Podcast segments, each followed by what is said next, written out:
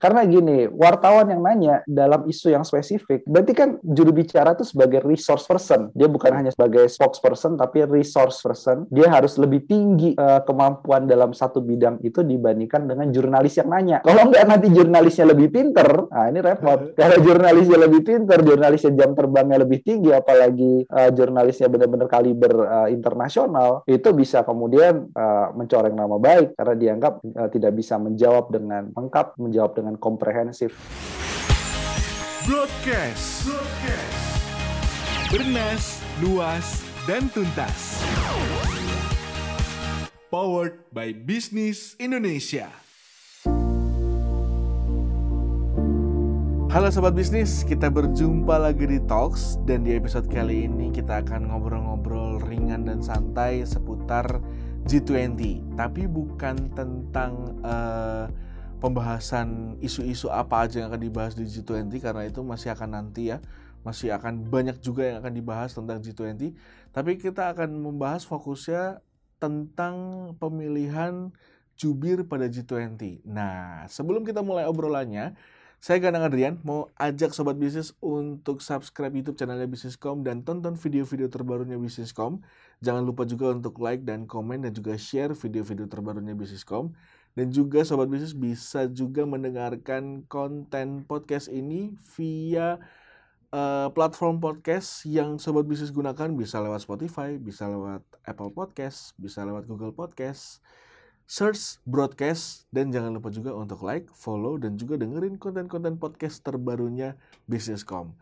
Dan langsung saja kita ngobrol kali ini di episode kali ini kita akan ngobrol dengan Mas Bima Yudhistira Beliau adalah Direktur Center Economic and Law Studies atau Selios. Halo Mas Bima, apa kabar? Nah, Mas Bima, kita akan uh, ngobrol-ngobrol tentang uh, eh, G20 nih Mas nih. Tapi sebelum kita masuk ke obrolan utamanya nih tentang pemilihan jubir dan juga G20 itu sendiri, mungkin bisa diceritakan uh, sedikit nih Mas untuk sobat bisnis terutama uh, yang milenial ya sebenarnya G20 itu apa dan apa yang akan dibahas di G20 sih Mas? Karena mungkin buat saya yang eh, berhadapan dengan berita-berita setiap hari udah sering banget ya ketemu sama G20 ini dan mungkin udah mengenal tapi mungkin sobat bisnis yang sama sekali belum ketemu eh, bisa, dibilang belum baca berita atau mungkin juga eh, sedikit ketinggalan informasi tentang G20 boleh diceritain dong Mas sebenarnya G20 ini apa dan uh, isinya apa sih sebenarnya? Jadi G20 itu kan mulainya tahun 1999 sejarahnya. Jadi ada latar belakang. Saat itu kan ada ASEAN Financial Crisis ya, krisis moneter. Krisis moneter, kemudian banyak negara ingin agar stabilitas keuangan. Jadi pada waktu itu tuh yang kumpul adalah gubernur bank sentral, kemudian menteri-menteri keuangan. Itu awalnya. Nah, selama perjalanan kelihatannya G20 ini semakin penting nih untuk berkumpul setiap tahunnya. Mereka bikinlah konferensi tingkat tinggi KTT yang kemudian presidensi, maksudnya presidensi ini adalah panitianya digilir bergantian di negara-negara G20. Kemudian G20 yang tadinya hanya bahas soal masalah keuangan, masalah soal isu-isu moneter, sekarang sudah mulai bergeser kepada isu-isu lainnya, masuklah di situ. Ada yang namanya jalur Serpa, ada yang namanya jalur keuangan. Kalau jalur keuangan itu yang awalnya G20. Kalau jalur Serpa itu kementerian misalnya mau bicara dengan uh, menteri misalkan menteri SDM mau bicara dengan menteri energi yang ada di Brazil difasilitasi juga di G20 meskipun bukan dari Kementerian Keuangan. Jadi G20 itu sebenarnya simpelnya adalah semacam kongko tahunan 80 persen Eh, perekonomian uh, dunia. 80% negara yang menguasai ekonomi dunia. Kumpul tiap tahun. Oke, apalagi bisa dibilang setelah pandemi ya Mas ya. Ini jadi salah satu momen yang penting dan juga krusial untuk uh, uh, untuk negara-negara uh, di dunia gitu ya untuk membicarakan masalah perekonomian. Nah, kita masuk ke pemilihan untuk uh, jubir sendiri nih Mas nih. Karena kan beberapa waktu lalu ramai di media sosial juga ada yang berkomentar baik pro dan kontra nih tentang pemilihan uh, sosok Maudi Ayunda sebagai jubir untuk G20. Nah, kalau menurut Mas sendiri nih, untuk Indonesia sebagai presidensi G20, sosok seperti apa sih Mas sih yang sebenarnya bisa dikatakan uh, cocok pas untuk uh, ditunjuk sebagai jubir itu sendiri, Mas? Ya, paling enggak tuh jubir tuh punya empat kriteria ya. Yang satu ini adalah kompeten. Jadi 4C yang pertama kompetensi artinya dia paham isu-isu yang berkaitan dengan pembahasan.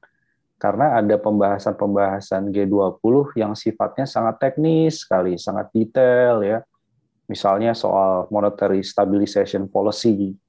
Itu kan bagi orang awam, bahkan yang di luar dari bagian moneter atau keuangan juga bertanya dan itu jubir harus punya kompetensi, dia harus tahu tuh sampai detail jadi fungsi jubir dia bukan hanya membaca rilis yang sudah disiapkan misalnya oleh uh, pemerintah, tetapi dia juga bisa menerangkan dengan bahasa yang sangat sederhana apa sih hasil kesepakatan meskipun kesepakatan G20 tidak mengikat. Tetapi apa sih terobosannya? Ada isu baru apa? Misalnya soal bicara soal pajak. Sekarang ini kan banyak isu terkait dengan pajak harus dinaikkan. Itu apa sih implikasinya ke orang biasa gitu kalau pajak orang kayanya naik ketimpangannya bisa turun, kemudian juga lingkungannya bisa lebih bagus kalau ada pajak karbon. Dia jadi harus punya kompetensi. Jadi latar belakangnya sebenarnya apakah harus ekonomi gitu ya, harus kuliah di ekonomi itu hanya satu bagian kecil. Meskipun dia bukan latar belakangnya seorang ekonom, tetapi dia punya kompetensi di hubungan internasional, di bagian diplomasi. Nah, kompetensi inilah yang berkaitan dengan jam terbang. Jadi semakin banyak jam terbangnya, dia akan semakin menguasai materi. Nah inilah makanya kemudian ada yang bertanya, kenapa kok uh, mau di Ayunda? Kenapa misalnya bukan sosok yang sudah punya jam terbang, punya kompetensi di bidang internasional, Martinata Legawa, misalnya kalau mau nyari ekonom ada Pak Hatip Basri misalnya, Tuh. kan penjelasannya bisa diterima tuh. Kalau Pak Hatip iya. Basri itu kan jangankan ngomong ya, nulis di uh, opini aja orang awam aja bisa bisa paham bisa paham gitu ya iya. kan di berbagai lapisan apa pendidikan aja bisa paham nah itu jadi uh, tapi saya bukan kemudian bilang bahwa mau di Ayunda sama sekali tidak tidak pas tapi yang saya ingin katakan adalah 4C yang pertama soal kompetensi kalau mau di Ayunda misalnya bicara soal isu kepemudaan karena di dalam G20 ada juga kepemudaan di di 20 maka dia bisa cocok juga jadi spokeswoman untuk bagian soal isu-isu kepemudaan, kesetaraan gender misalnya. Itu juga dibahas di dalam G20. Nah, artinya jubir idealnya kalau soal kompetensi, kalau perlu bukan hanya satu, tapi bisa dua bisa atau tiga. Betul, bisa di cover. Misalnya kalau isu soal perang Rusia Ukraina nggak cocok mau di Ayunda bahas Betul. itu. Martina Talegawa lah yang di depan contohnya gitu ya. Kemudian soal isu moneter yang sangat spesifik tadi, Pak Hatib Basri dimajukan atau yang kompeten di bidang ekonominya. Nah, mau di Ayunda cover yang bagian kepemudaan, youth lah, empowerment. Itu cocok. Kemudian C yang kedua adalah clarity. Nah, clarity ini adalah bagaimana dia bisa mengkomunikasikan dengan jelas di luar dari bahasa teks. Karena biasanya bahasa teks itu uh, itu hanya formalitas. Kalau di media biasa begitu. Betul. Jadi baca teks itu dia hanya formalitas pada saat press conference misalnya. Tetapi yang lebih penting itu pas tanya jawab Q&A-nya. Nah, yang menjadi kritik dari jurnalis uh, Bloomberg ya jurnalis internasional ini kok uh, pada saat ditanya hal yang kemudian sangat penting, apakah presidensi Indonesia akan mengundang Putin dan apakah Putin akan datang gitu itu kemudian tidak mau dijawab pertanyaan itu. Justru kan uh, dia mengkritik bahwa pada saat ada uh, ruang tunggu ya di press conference itu di briefing dulu untuk menanyakannya hal yang sifatnya pribadi.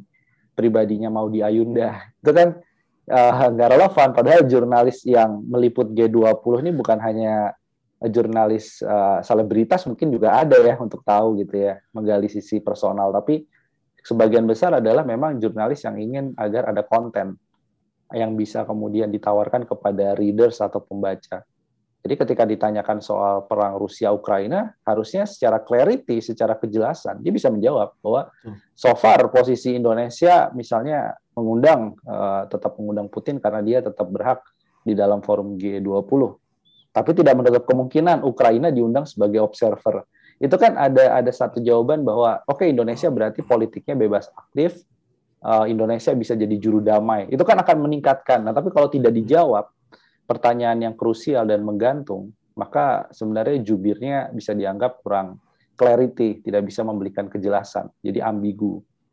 Kemudian yang ketiga uh, adalah karakter. Nah, karakter ini penting. Um, begini, saya kira mau di Ayunda berhak lah, pendidikannya bagus gitu ya. Betul. Pendidikannya bagus. Ya, saya kuliah di Inggris, dia kuliah di Inggris. Kita tahu bagaimana sistem pendidikan di sana. Dia juga kuliah di Amerika. Artinya soal uh, background pendidikannya nggak diragukan lagi lah. Itu kan top notch university-nya lah, krem de la kremnya begitu. Tapi soal karakter ini yang dimaksud adalah dia tuh benar-benar uh, bisa menggambarkan bahwa Indonesia ini sedang serius. Hmm. Jadi dia menggambarkan bahwa ini tuh momentum yang krusial, momentum di mana dalam kondisi perang. Perangnya bukan cuma satu lagi, perang Ukraina, Rusia, ada juga perang dagang yang nggak selesai sampai sekarang antara US dengan China misalnya. Jadi ini kita nih G20-nya spesial. Betul. Spesial sekaligus tantangannya lebih berat daripada G20 sebelumnya. Pandeminya juga belum beres. Betul. Udah gitu tuntutannya juga banyak. Soal pembangunan berkelanjutan misalnya, soal manajemen demografi dan lain-lain. Nah, jadi karakternya itu kan harus kok ini pop singer. Nah, image-nya adalah pop singer become a spokeswoman. Jadi uh, jurnalis emang kritik akhirnya ini kenapa yang ditaruh adalah uh, pop singer gitu ya. ya. Bukan sebenarnya bukan masalah dia muda atau dia jam terbangnya kurang tapi lebih ke arah titelnya itu adalah dia pop singer. Nah, akhirnya identik dengan jangan-jangan ini uh, sebenarnya untuk meredam agar pertanyaannya lebih ke personal ya misalnya uh, hari ini bajunya pakai apa, mereknya. Ini kan bukan red carpet gitu.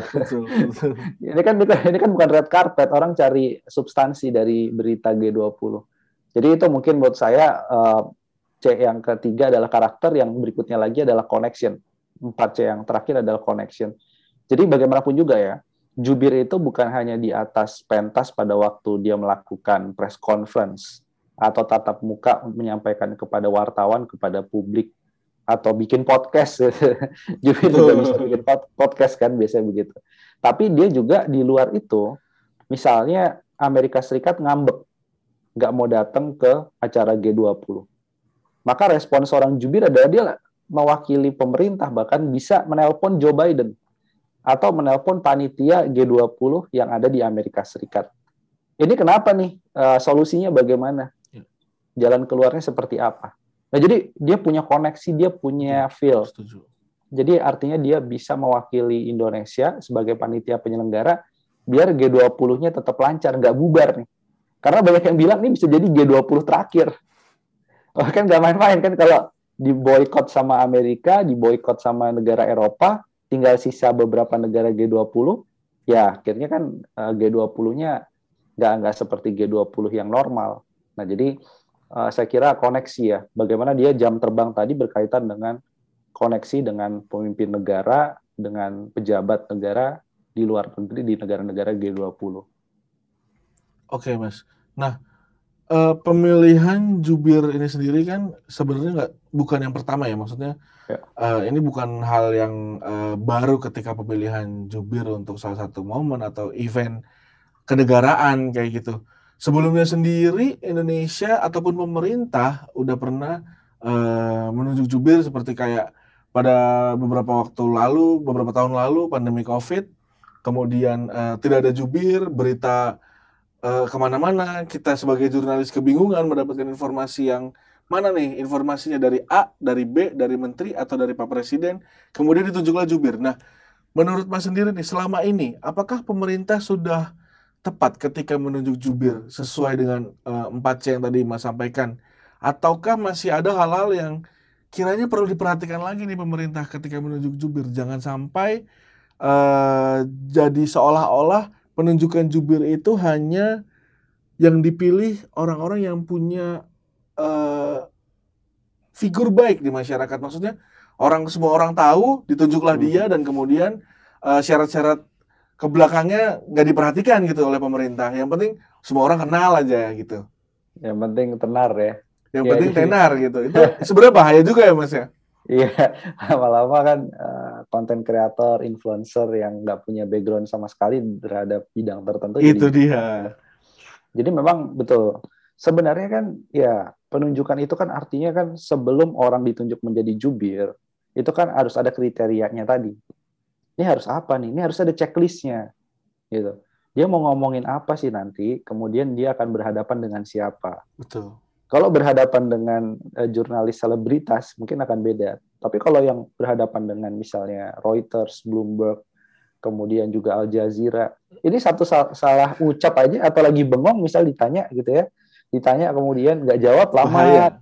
Iya, oh itu udah bisa jadi headline, headline news ya, masuk langsung di media internasional. Jadi apa sih kriterianya? Nah, jangan kriteria nomor satunya good looking gitu atau popularitas.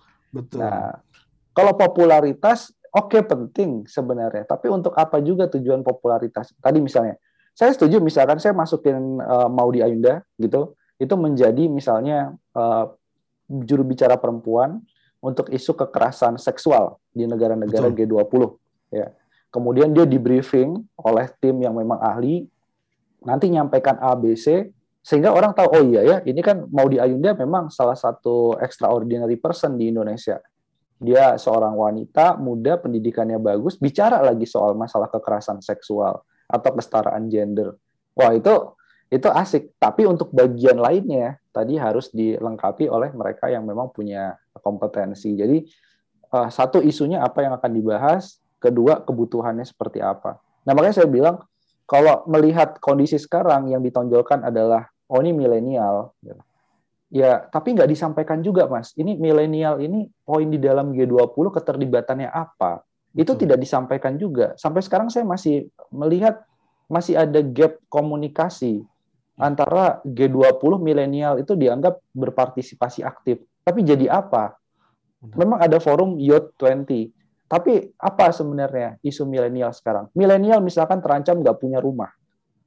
Milenial terancam KPR-nya kan susah karena suku bunga bakal naik itu kan isu yang kena sekali ke milenial kalau memang tujuannya kepada milenial, bukan hanya milenial Indonesia, tapi milenial di negara G20. Negara Betul. Juga soal isu lingkungan hidup misalnya.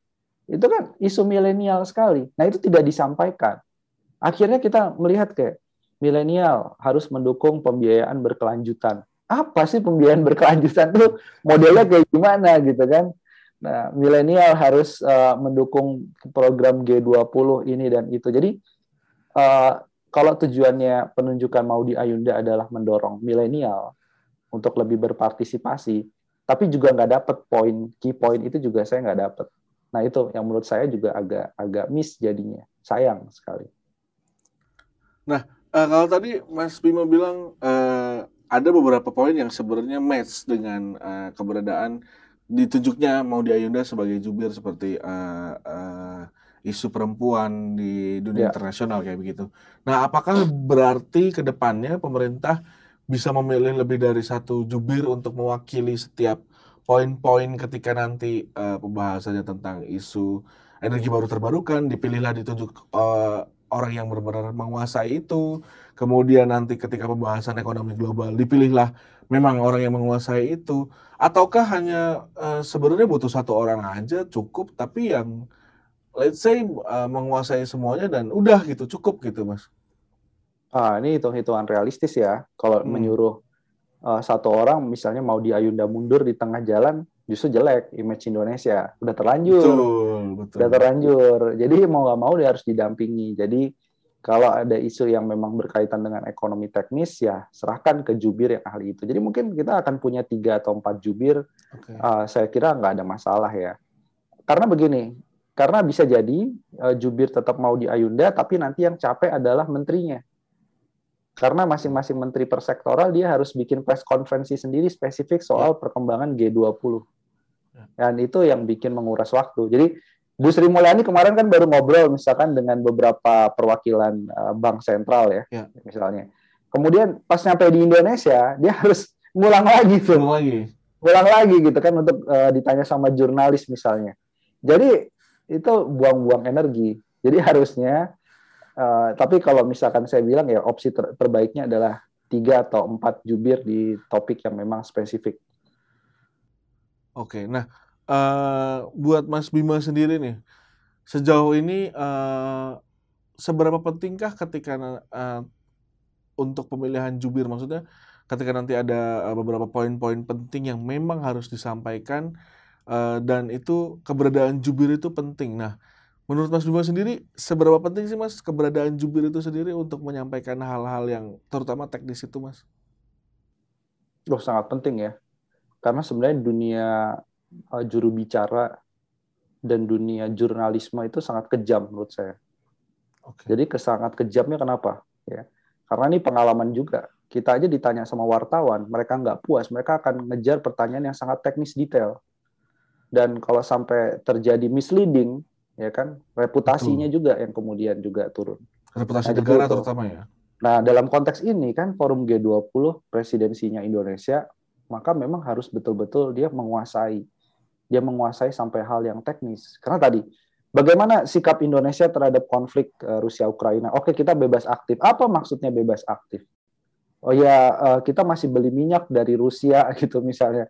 Kita masih beli minyak diam-diam dari Rusia, nah, tapi kita juga menjalin kerjasama dengan e, Eropa dan Amerika. Dengan Ukraina juga masih beli gandum misalnya.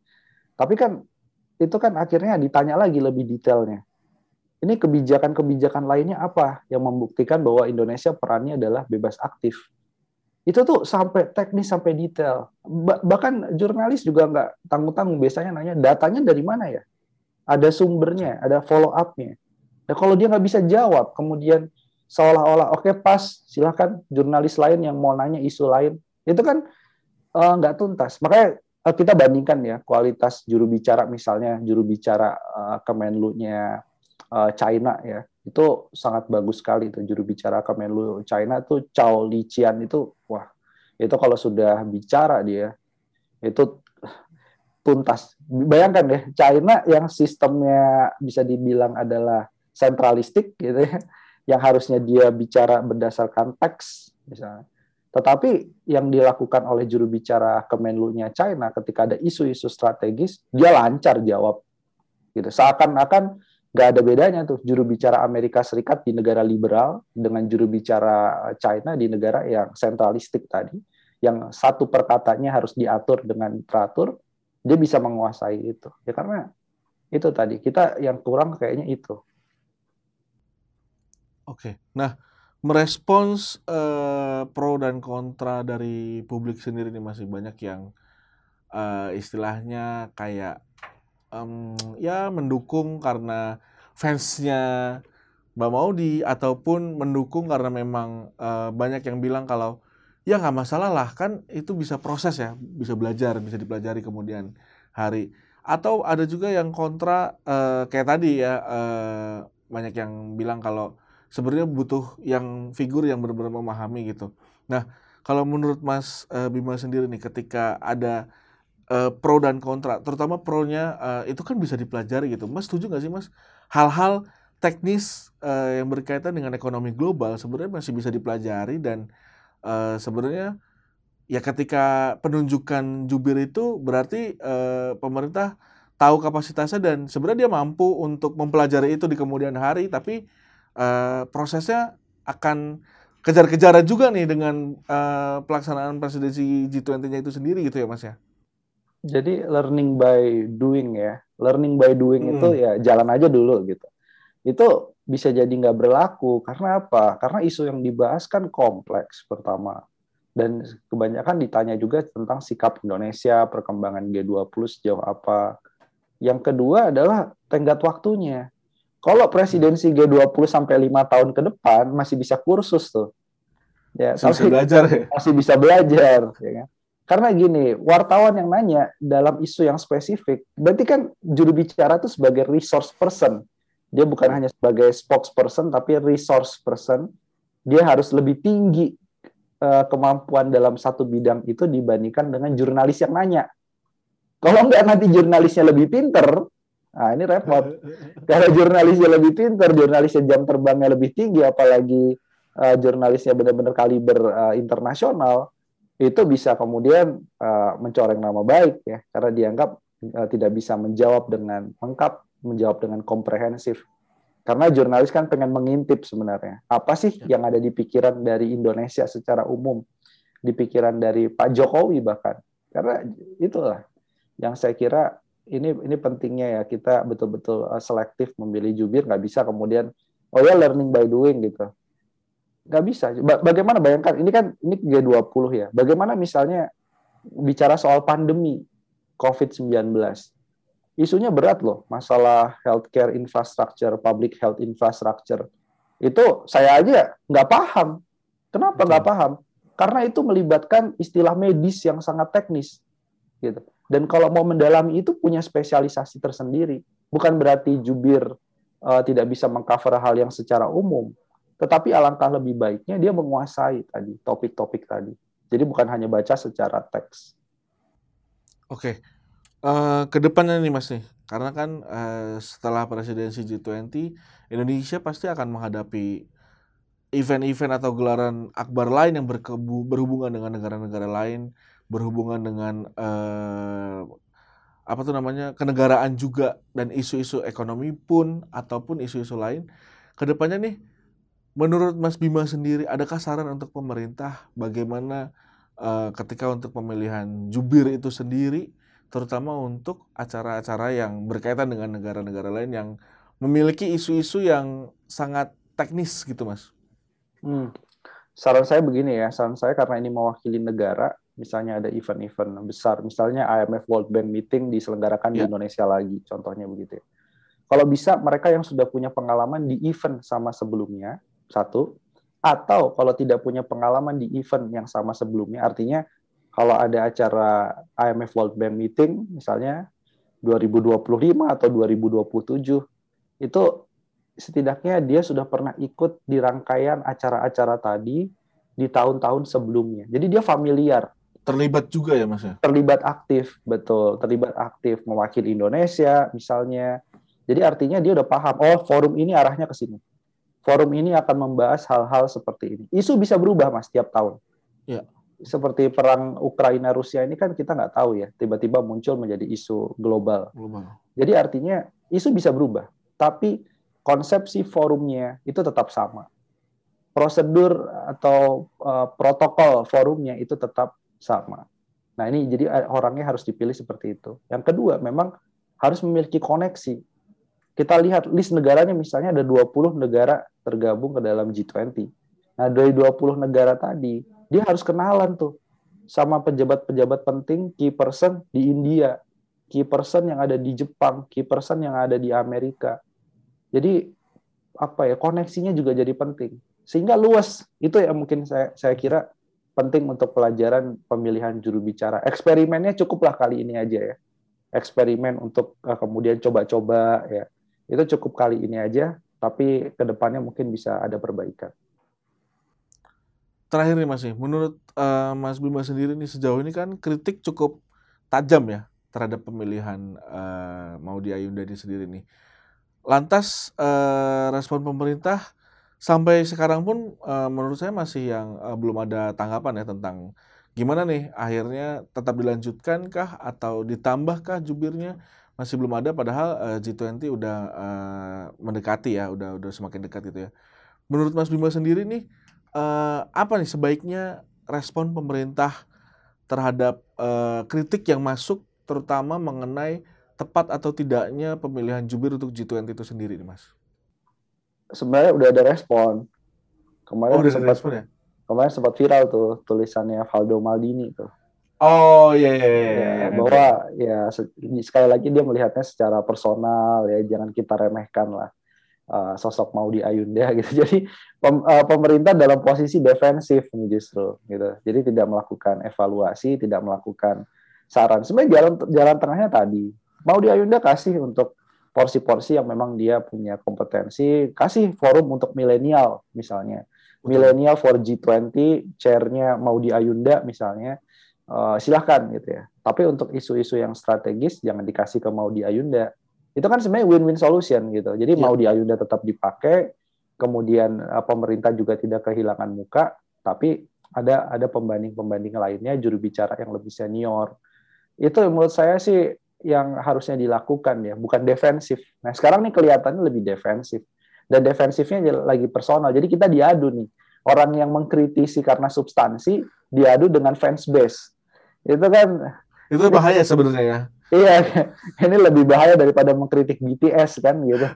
ya, mengkritik arminya BTS. Jadi artinya apa? Artinya memang ya pemerintah harus introspeksi lah. Karena memang ini dilirik bukan hanya Indonesia, tapi memang jadi forum internasional. Oke deh kalau gitu. Terima kasih banyak Mas Bima untuk ngobrol-ngobrolnya. Semoga bisa uh, jadi bahan evaluasi ya untuk pemerintah dan semoga uh, kita juga jadi lebih paham, lebih tahu tentang apa yang sebenarnya yang terjadi tentang G20 ini dan uh, sudah seberapa jauh, terus juga isu-isu apa yang sebenarnya dibahas dan ketika pemilihan jubir uh, sebaiknya seperti apa yang dipilih sosok yang bagaimana. Jadi lebih ada pandangan lagi, pandangan baru lagi tentang uh, jubir itu sendiri gitu ya. Semoga ke depannya pemerintah ketika pemilihan jubir sendiri punya pandangan yang lebih uh, fokus dan juga lebih apa ya, lebih uh, paham gitu, tahu yang dipilih cocok match atau tidak atau hanya bukan hanya sekedar uh, popularitas saja yang ditunjuk gitu. Terima kasih banyak Mas Bima untuk ngobrol-ngobrolnya. Dan terima kasih juga untuk sobat bisnis yang sudah mendengarkan dan juga menonton. Kita sampai jumpa lagi di Talks episode berikutnya. Bye bye.